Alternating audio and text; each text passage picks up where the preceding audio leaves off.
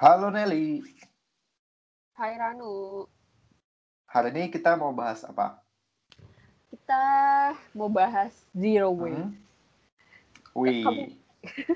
Kamu- Kamu gimana Ran? Kamu udah Apa? kamu udah berapa lama nih denger kata ini Ran? Hmm. Aku nggak nggak tahu ya nggak nggak pernah ngitung banget sih. Mungkin udah cukup lama ya. Mungkin dari aku remaja kali. Wih, kayak udah tua aja sekarang kan. Oh iya? Iya, dari remaja. Cuman kayak aku tuh dengarnya kayak paling ya udah sih cuman kayak info sekedar info doang gitu. Kayak buat apa juga lu terapin. Lagian juga li- lingkungan aku pada saat itu sangat tidak mendukung buat nerapin ya.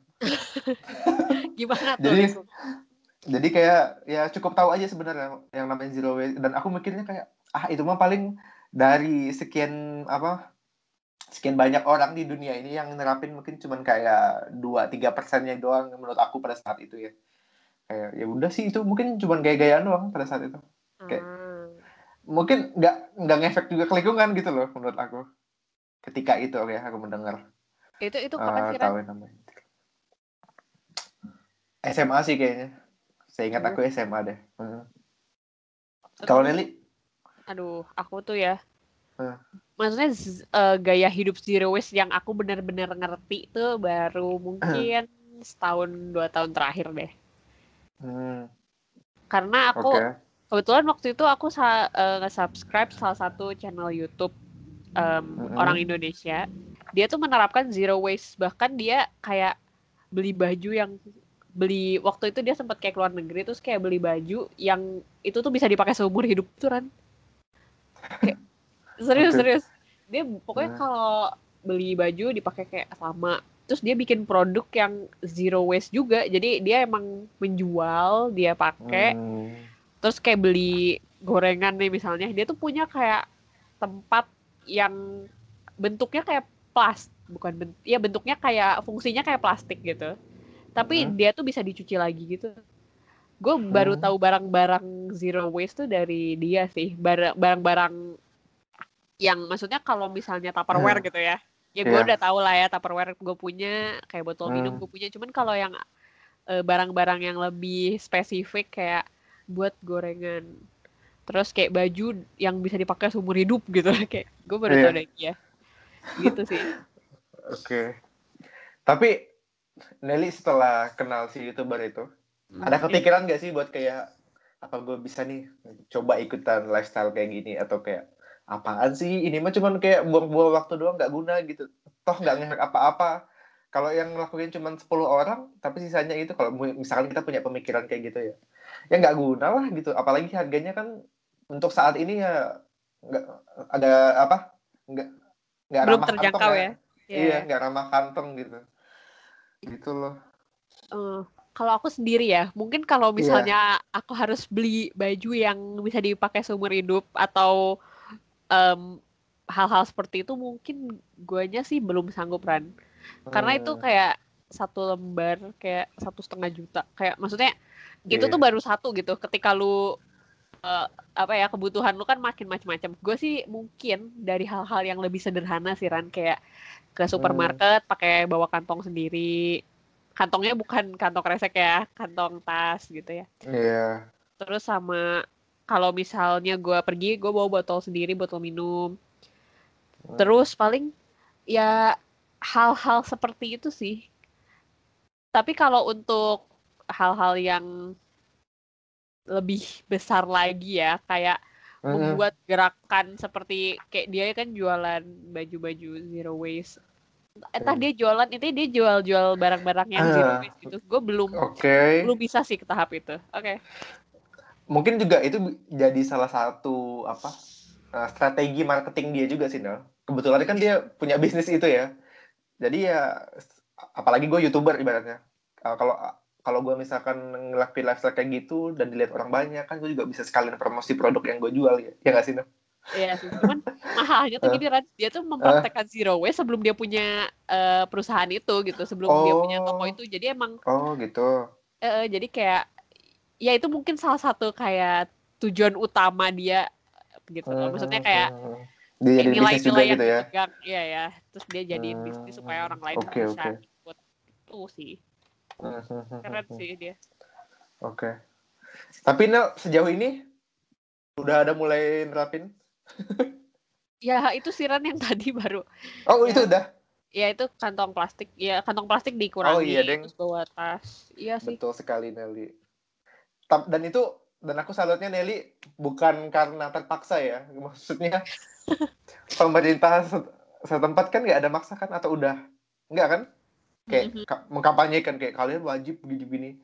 Paling cuman kayak di salah satu apa mini minimarket mungkin kalau kita beli plastik mesti bayar gitu. Itu bayarnya juga nggak ngaruh sih ibaratnya gitu loh sebenarnya. Iya iya iya. Paling kan dari situ doang kan ya? Mhm. Ya ya sih sebenarnya kalau 500 kok di Indo sih setahu gue 500 perak ya Ran. Hmm. 500 perak kalau misalnya orang lagi buru-buru kadang kayak ya udah gitu. Walaupun ada dijual sih kayak tas-tas kantong kayak gitu. 15.000 ribu apa berapa. Cuman kalau orang kadang tuh nih ya karena kita udah kebiasaan dengan plastik kalau urgent tuh ya Hmm. pasti larinya plastik lagi Plastik gitu. lagi. iya. Mm-mm. Oke, kalau aku ya, karena aku datang ke sini empat tahun yang lalu nih, empat Heeh. tahun yang lalu tuh kayak sedikit ngerubah apa eh, pola hidup aku lah, gaya bukan pola hidup, gaya hidup maksudnya. Oke oke. Jadi kayak yang tadinya aku misalkan apa lihat botol plastik, botol plastik kan di kita kan dibuang aja ya, ntar yang Mm-mm. yang ngambil em, pemulung gitu maksudnya ibaratnya. Nah, sedangkan di sini tuh semua orang tuh apa eh, hampir semuanya plas, eh, botol plastik itu bisa kita jadikan duit lagi gitu di supermarket. Iya, Jadi iya. di, di setiap botol plastik kalau di Jerman ini ada kayak barcode-nya gitu. Nah, barcode-nya itu bisa kalau di setiap supermarket tuh kayak ada eh, apa namanya? mesinnya gitu. Nah, itu kita masukin satu botol tuh 25 sen. Jadi kalau empat itu udah satu euro, udah bisa beli makan apa gitu. Lumayan lah gitu. Mhm. Nah, dari situ sih aku udah mulai bisa dibilang secara nggak langsung nerapin juga yang namanya zero waste gitu. Dan belanja aku pernah nih ya melakukan kebodohan. Mhm. Jadi Nel, aku kan aku tuh aku biasa kalau keluar tuh kan selalu bawa tas nih ya. Mhm. Nah, ada suatu ketika aku tuh belanja yang nggak terduga gitu loh, lumayan banyak. Tadinya aku Mm-mm. pikir ah di tas aja muat gitu. Ternyata enggak. Dan di situ teh nggak ada apa namanya? plastik lagi. Ya nggak ada eh, jual. Iya, nggak ada eh, nggak ada jual itu dan ya udah deh aku tenteng Nel kayak orang bodoh itu. eh. Dan itu heboh banget tau nggak? Aku kayak nyesal kenapa nggak ada. Kan aku mikir biasanya itu ada gitu loh. Mungkin lagi apes aja ya hari itu. Mhm. Ada yang jual dan kayak ya udahlah gitu. Eh BTW itu di toko Asia sih sebenarnya. Oh gitu. Iya. Tadi Kalau di supermarket mah pasti ada lah. Pasti ada Oh. orang jual kayak yang dari paper bag ya. Iya, iya, iya. Off the record tadi kita udah ngobrolin toko Asia. Iya. Katanya toko Asia masih nyediain plastik ya katanya ya. Iya, iya, benar masih nyelapin plastik. Meskipun juga ada yang beberapa udah ganti ke paper bag sih, cuman masih ada yang aku lihat pakai plastik nih. Kayak mereka tuh kayak yang sama aja lah kali kayak di kita ya, kayak yang santuy lah orangnya kayak bodo amat lah gue mah gitu. yang penting gue jualan lah gitu loh kayak mereka nggak Hmm. mikirin itu. Terus ya gaya hidup lagi yang terpaksa aku lakukan ya kayak sedotan gitu. Sedotan tuh awalnya aku kayak bodo amat lah kayak yang penting bisa minum dengan nikmat ibaratnya gitu. Tapi eh, baru beberapa tahun terakhir kebelakangan di sini juga nerapin sedotan dari kayak paper gitu. Mhm. Jadi dia tuh abis dipakai tuh langsung kayak tau nggak sih kayak tisu toilet Nel? Iya, iya, iya. Kalau kena air kan langsung kayak hancur gitu ya. Iya, iya, iya. Nah, Ini dia tuh juga. kayak gitu Nel. Iya, langsung letoy gitu habis dipakai. Langsung bisa kayak gampang di gampang didaur ulang lah atau enggak gampang dihancurin gitu. Iya. Gampang hilang, gampang hilang dari permukaan bumi. Kali. Itu emang kayaknya Intinya itu itu. tuh nyuruh orang-orang untuk makanya beli sendiri Iya. apa sedotannya gitu kan. Bisa jadi sih. Aku salah satu uh, tim yang nggak suka pakai sedotan itu sebenarnya.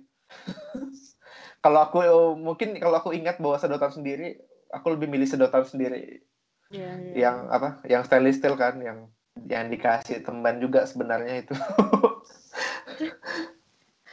itu sih terus kalau uh, sampah nih ya sampah kayak kalau di Jerman sampah kayak aku lupa dulu namanya apa sih Nel yang dari kaca teh sampah namanya dari kaca.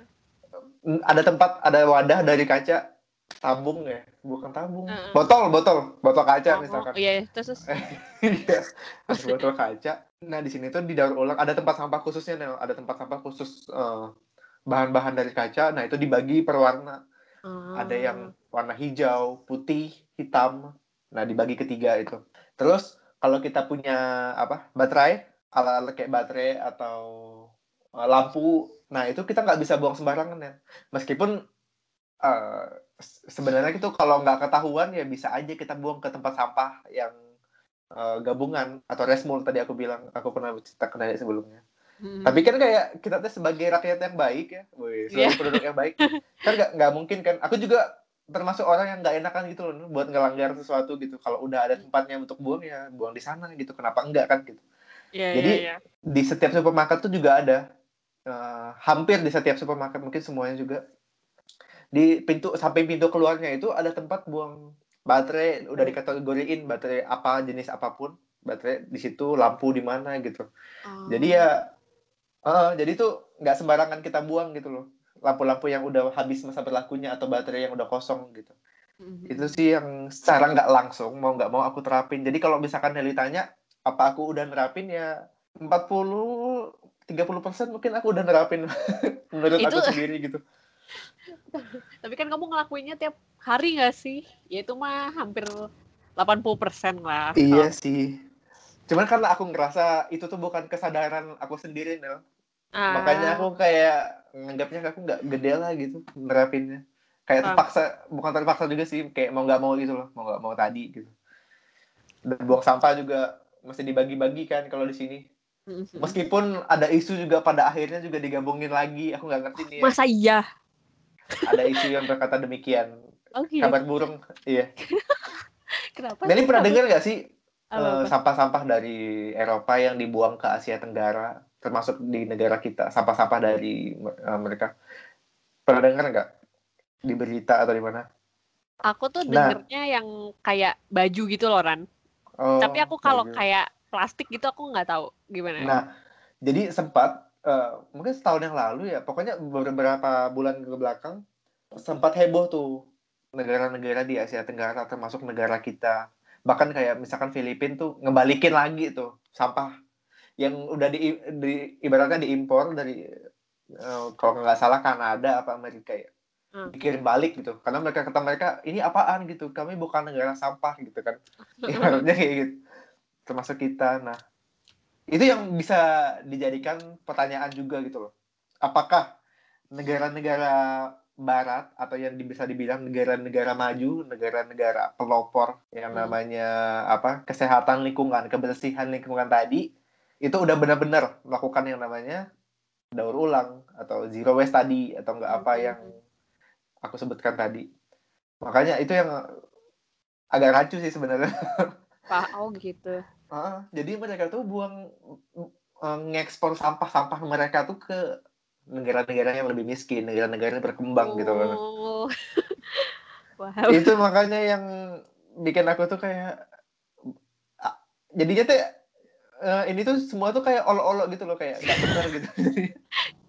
Jadi faedahnya apa gitu ya maksudnya? iya, iya, jadi unfaedah gitu loh. Jadi itu kita ngebagi ngebagi sampah atau kita ngebuang Oke. sampah sesuai kategorinya misalkan.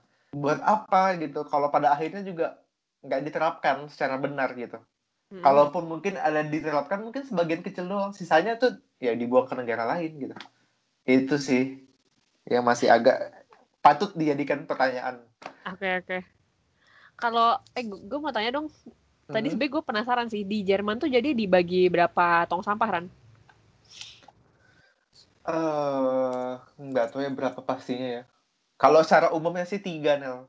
Kalau Hmm. misalkan kita pergi ke tempat umum tuh ada tiga. Ada yang apa eh, bio, ada yang verpakum tadi. Verpakum tuh maksudnya kayak bungkus-bungkus makanan, kayak misalkan tempat makanan styrofoam apa, nah di situ. Hmm. Sama eh, resmul. Resmul tuh gabungan segalanya nih. kalau kita semua malas, gitu. iya. Kalau kita lagi malas ngebagi, ya taruh aja semua. Gitu. Tips-tips yang tidak boleh di itu ya, dilakukan ya teman-teman ya. Heeh. Jangan. Tapi kalau di kalau di setiap rumah ya lebih banyak lagi sih ada sampah kertas dibagi ada kertas bio sampah bio itu sampah sisa makanan atau bungkus bung- apa misalkan kulit pisang gitu nah taruh di situ. Resmul terus apa lagi ya? Udah sih kayaknya itu doang seingat aku. Empat sih kalau di rumah. Oke. ada paper juga ya kalau nggak salah empat. Tapi kenapa aku lihat sampah orang banyak ya di biasanya? Kenapa kamu jadi Oh, mempertanyakan? Iya. kamu gimana? Ah, kebetulan di tempat aku tinggal tuh cuma dua sih Nel. Ah, Jadi, kayaknya satu-satunya di tempat aku tinggal di komplek aku tinggal di tempat aku doang sih ya cuma dua dibaginya oke. oke. jadi sa- satunya paper satunya resmul oh sama tempat kaca sih kalau oh iya tempat kaca juga sih tempat buang apa botol-botol kaca gitu di tempat aku ada dua sih yang warna hijau sama warna putih Oh. gitu doang btw fun fact nih ini sebenarnya nggak ada hubungannya sih sama zero waste Apa, Tapi kalau kalian mau buang botol kaca atau apa tuh nggak ada waktunya, nggak boleh sembarangan di Jerman. Dan juga yang namanya ribut-ribut tuh nggak boleh sembarangan di sini. Kalau misalkan mau ngadain party atau apa kan masih izin juga, ya itu sama sih kayak di Indo. Tapi kalau misalkan di luar itu, kita kayak tadi mau buang sampah kaca. Kalau kita buang sampah kaca itu bunyi rame banget nih, kayak ribut lah pokoknya Terengnya terengnya mengganggu terengnya. lingkungan. Iya bunyi treng treng, bunyi pecahan kaca aja kan kalau kita lempar. Nah itu tuh nggak boleh sembarangan. Jadi kalau misalkan Senin sampai Jumat ya ma- eh, masih di bawah jam 10 malam atau enggak baiknya siang lah di hari kerja gitu. Sedangkan kalau Sabtu Minggu tuh nggak boleh sama sekali karena di sini Minggu ya terutama tuh hari apa hari tenang lah gitu nggak boleh ribut hari yang chill gitu karena kan untuk apa mengakhiri minggu ini menurut orang sini tuh kayak mesti santuy lah enjoy sama keluarga gitu jadi nggak boleh tuh ribut-ribut di sini gitu sih Oke oke oke. Hmm, Menarik ya. Di Indo mau iya buang sampah hari apa aja bisa, cuman ya tetap aja di sini menurut gua masih. di mana aja Tapi Iya. kalau di sana di pinggir jalan gitu ada tong sampah nggak sih? Atau lu nggak lihat? Ada. masih ada ya ada tong sampah cuman ya terkadang ada yang tong sampah yang udah penuh Nel udah penuh sampai ke jalan-jalan biasanya jatuh-jatuh gitu Nel nah itu tuh Oke. yang kadang aku bikin ini bedanya apa sama tempat aku gitu bedanya apa sama tempat aing ibaratnya kayak gitu Oke. Oke itu ini kenyataan ya. Ini cerita tentang Ini, kenyataan iya. aja sih sebenarnya. ini kenya ini kenyataan yang wajib orang-orang tahu sih maksudnya kayak negara Jerman tuh nggak sebersih yang kalian kira gitu loh even di rel kereta juga kalian bisa nemuin sampah gitu. Di rel kereta tuh kadang ada sampah. Lumayan banyak juga. Aku nggak tahu ya. Ini eh, apa perbedaan Jerman dulu sama sekarang tuh gimana? Apakah dari dulu kayak gini atau ini cuman kejadian baru-baru baru-baru doang karena semakin banyak eh, orang-orang dari negara lain yang multikultural jadinya kayak sesuka hati. Nah aku nggak ngerti ya. Tapi kenyataannya sekarang di Jerman tuh kayak gitu kalau kal- kalau kalian mau cari tempat yang bersih teratur ya cari perdesaan kota-kota kecil yang masih sebagian besar hidupnya orang Jerman nah itu bersih banget. Tapi kalau Oh. kalian udah ke kota gede kayak Frankfurt Berlin Hamburg nah itu nggak usah apa nggak usah kaget lah. Sama yang namanya sampah begelintangan di jalanan misalkan. Itu udah jadi hal yang biasa lah. Iya, iya, iya. Oke itu kayak gitu itu Iya. fun fact sih, fun fact. iya. Tapi ada satu hal yang itu satu negara ya kalau nggak salah. Mm. di kalau di Swiss nah di Swiss tuh masih ya benar-benar bersih sih. Entah itu di kota gede kota kecil kalau Swiss tuh benar benar-benar asri sih kayak menurut aku tuh kayak wah dreamland banget lah Nel. Gitu. Tapi kalau sebagian besar kota di Eropa mm-mm, sama aja Nel. Apalagi mohon maaf ini Paris aku udah angkat tangan sama Paris mungkin ada tempat di Jakarta yang jauh lebih bersih deh dari Paris Aduh, iya parah banget ya tapi Ren. Maksudnya, tapi ada tong sampah nggak sih di sana? ada Di maksudnya di mana? Di Jerman atau Paris, di Paris, Paris. tadi? Oh, di Paris ada. Oh, Paris. Cuman kan aku pernah baca ya di mana ya? Salah satu apa? Salah satu cara kita menilai dari lingkungan itu bersih atau enggak kan dari tikus ya. Kalau misalkan daerah itu banyak tikus, apalagi yang segede kucing gitu, ya bisa dibayangkan kan eh, sanitasi lingkungannya kayak gimana gitu. Barang itu yang namanya tikus aja bisa sampai bersarang dan itu tempatnya itu di tempat yang beken satu dunia gitu loh, Nel. Iya, Di. Menara Eiffel gitu. Yang nggak banget sih. Pokoknya tips kalian jangan pernah ke Menara Eiffel malam-malam karena di situ banyak tikus yang berbagai ukuran dan dia itu nggak takut sama orang. Dia malah datengin kita Nel kalau kita menakutin. Itu yang salah satu jadi trauma aku sama tikus. Yang eh, aku nggak bisa bayangkan kayak selama aku tinggal di Jerman aku nggak pernah nemu eh, tikus segede kucing. Tikus di sini ya paling gede itu segede jari telunjuk Nel. Itu paling gede yang pernah aku lihat? Iya, kalau di Jerman. Iya. Itu pun aku jarang banget ketemunya. Kalau ketemu juga itu di rel kereta, bawah tanah. Tapi kalau tikus yang segede kucing itu aku baru lihat di, Di Paris, Paris. dong. Sama di Indo. Tetep ya, tetep Iya. Tetap di Indo. Kayak gitu gitu. Kalau Hmm. gue mungkin gak bisa ngomong banyak ya soal zero Iya. waste ini. Mm. Tapi kemarin gue sempat lihat di internet, Ran. Ternyata di Iya. Bandung udah ada toko zero waste. Tapi pas gue cek di Ah. websitenya, di Ah. Google, Ah. tutup sementara. Jadi ya, ya udah, gue nggak tahu harus cerita apa lagi sih, Ran. ya, Iya kan? tutup sementara, padahal baru mau ngomongin. Iya, mungkin pengaruh juga nggak sih dari apa pandemi Covid, ya. sekarang? Iya, COVID. Jadi kayak bisa juga dari situ kan. Soalnya kan banyak usaha yang gulung tikar kan setahu aku Iya di benar. saat-saat kayak gini. Apalagi zero waste tuh sekarang kan nggak, maksudnya saat ini masih belum terjangkau sih. Menurut gue sih belum seterjangkau itu ya. Nah, Jadi ya mungkin target marketnya tuh belum bisa semua orang gitu ya nggak sih? Iya, aku rasa juga target market marketnya itu orang-orang yang menengah ke atas nggak sih, Nel? Iya Kalau- yang sudah siap sih? Iya.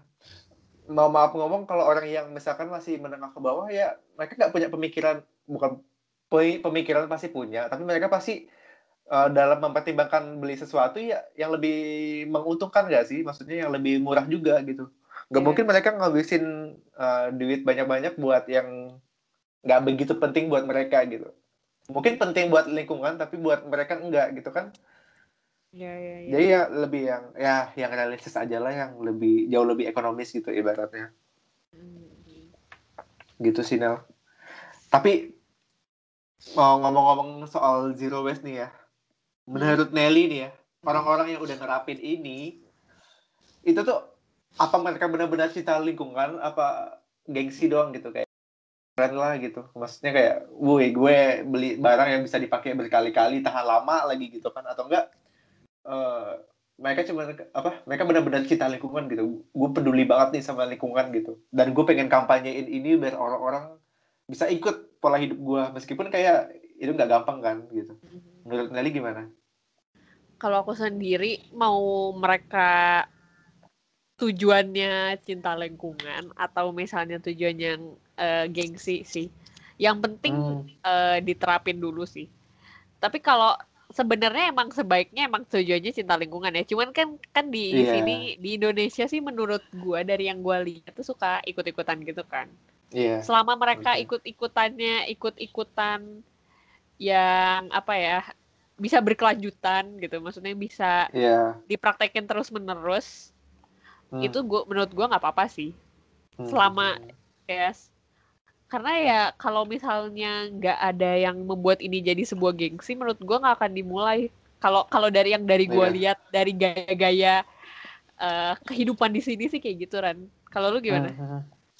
ya kalau aku hmm, sebenarnya 50-50 juga Nel Mhm. terlebih setelah aku mengetahui fakta di mana kalau kalau di kalau di Indonesia mungkin kan itu bukan dari pemerintah ya maksudnya kayak eh, masih individual ya maksudnya atau enggak mentok-mentok ya kelurahan kecamatan gitu lah ya nggak satu kota misalkan atau satu provinsi Nah, sedangkan kalau di sini kan udah cakupannya tuh udah negara ya, Nel. Nerapin Iya, iya. yang begini tuh udah negara. Iya, iya. Dan setelah aku mengetahui fakta yang pahit itu, Mm-mm. aku tuh jadi bingung, Nel. Kayak, apakah kita benar-benar harus ngelakuin ini gitu? Kayak, Hmm. percuma gitu loh. Kalau pada ujung-ujungnya nggak benar-benar diterapin apa yang mereka selama ini kampanyekan, apa yang benar-benar mereka selama ini terapkan gitu. Jatuhnya tuh kayak, ya gaya hidup doang gitu, Nel. Eh, Iya, gaya iya, hidup. iya. Gaya hidup buat gengsi maksudnya. Iya, benar nggak sih gaya hidup kan? ya, Jadi Iya, hidup benar-benar gaya hidup. lebih ke arah negatif gitu loh maksudnya. Nggak ke arah yang cinta lingkungan atau apa gitu. Meskipun tetap ada ada juga dan cukup banyak juga sih orang-orang yang memang cinta lingkungan di Jerman gitu. Iya, iya, iya. Emang doang sih. Ya ini Hmm. rada apa ya, rada bau sih menurut gue. Soalnya soalnya kayak orang-orang tuh ada banyak yang kayak ngomongin. Cuman kan tetap kalau untuk regulasi kan tetap bukan biasanya sih bukan orang-orang yang mengkampanyekan ini kan yang melakukan. Ngerti kan Iya. maksud gue? Itu Iya, sih iya. yang bikin Makanya. Eh, pertanyaan-pertanyaan kecuali kalau mungkin kita ngelakuin yang kayak kita tidak akan menggunakan plastik sama sekali mungkin kalau kayak Eh. gitu lu nya Eh. sendiri lu nya berguna untuk diri lu gitu lu berguna untuk eh, di sekitar lu cuman untuk orang lain ya Hmm. kita nggak tahu juga kan mereka kayak gimana Iya. tapi untuk di sekitar lu lu Bener. praktekkan karena lu bener-bener nggak pakai bisa kayak gitu kenapa Iya, kemarin iya. tadi Aku jadi ingat sesuatu di Jerman. Di Jerman tuh nggak apa? Eh, aku jadi dulu kan aku pernah penyetaraan ikut penyetaraan dan kita tuh Hmm. ngebahas eh, energi terbarukan. Mungkin ini masih ada hubungannya ya lah sama zero waste ya. Iya, iya. Semoga Ya. Jadi eh, dosen bahasa Jerman aku tuh pernah cerita kayak di Jerman nih ya kalau eh, eh, apa suatu perusahaan atau negara menjual sesuatu dengan embel-embel eh, apa green energy misalkan green energy atau apa gitu maksudnya energi yang berdasarkan dari energi terbarukan tuh Hmm. eh, bisa menarik lebih banyak konsumen gitu loh Nel. bisa jadi Oh. daya jual gitu loh karena eh, orang Jerman tuh banyak yang tergila-gila sama yang namanya apa energi terbarukan atau apa-apa padahal kenyataannya energi terbarukan yang dihasilkan itu masih disokong sama energi konvensional misalkan gitu. dari kenyataannya tuh seperti itu. Menurut dosen aku tuh kayak gitu Nel. Gitu. Hmm. jadi embel-embel jualan apa green energy atau apa tuh kayak sebatas marketing doang gitu Nel. Hmm. kalau di Jerman tuh. Makanya aku jadi ingat itu kayak agak lucu aja gitu loh. Pokoknya kalau kalian mau jual sesuatu di Jerman carilah embel-embel yang buat lingkungan atau apa nah itu pasti orang-orang lirik dah wow ini iya gitu ini maksudnya gimana ya? Kita ngomong ini mungkin kayaknya dark kehidupannya iya serem parah gitu. Cuman ya emang ini fakta yang kita fakta yang ada iya fakta yang kita lihat sendiri gitu maksudnya. Heeh. Ya ini dark sih banget sih. Ya bukan berarti kita eh, pro dan kontra terhadap hal Hmm. itu atau maksudnya gimana ya? Kita meng op- menggiring opini untuk pro dan kontra juga bukan kayak gitu maksudnya gue cuma kayak kita cerita Hmm. aja apa yang terjadi yang kita iya tahu gitu. makanya Dark banget sih.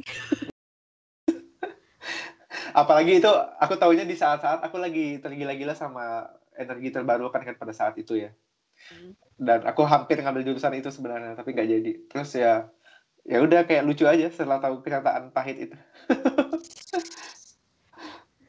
tapi aku nggak tahu ya eh, memang sih eh, Jerman tuh men- menargetkan tahun 2000 berapa gitu. Bakal sebagian besar energinya atau mungkin menghilangkan sama semuanya energi konvensional. Jadi semuanya itu bakal jadi energi terbarukan. Tapi itu tahun berapa lah tahun kita udah tua kali. 2030-an 2000 sekitar tahun 2000 segitulah. Itu katanya secara bertahap mereka udah mengurangi energi konvensional gitu wow, wow dark sekali hari ini. Nelly mungkin agak kaget ya pandangan Iya. Nelly sama Jerman mungkin sedikit berubah Iya sih. Gue gue sebenarnya nggak punya ekspektasi yang apa ya, nggak punya ekspektasi wah juga. Cuman ini oh bener-bener kayak oh ini fakta negara maju sih kayak ngerti ngerti Hmm. kayak Ya. oh negara maju Yang bisa dibilang kayak eh, jadi role model nggak sih buat negara-negara lain menerapkan energi yang bersih gitu? Atau Iya, enggak iya. eh, zero waste lah gitu di negara mereka. Tapi padahal kenyataannya kan tidak seperti itu gitu. Iya ya kadang Paling paling tidak untuk beberapa bulan yang lalu lah, nggak tahu sekarang ya. Mm, mm, mm. Itu sih. Ah. oke Ya, jadi sekian dulu episode kali ini. Sampai jumpa minggu depan. Ciao. ciao Tut, tut, tut, tut, tut, tut, tut, tut.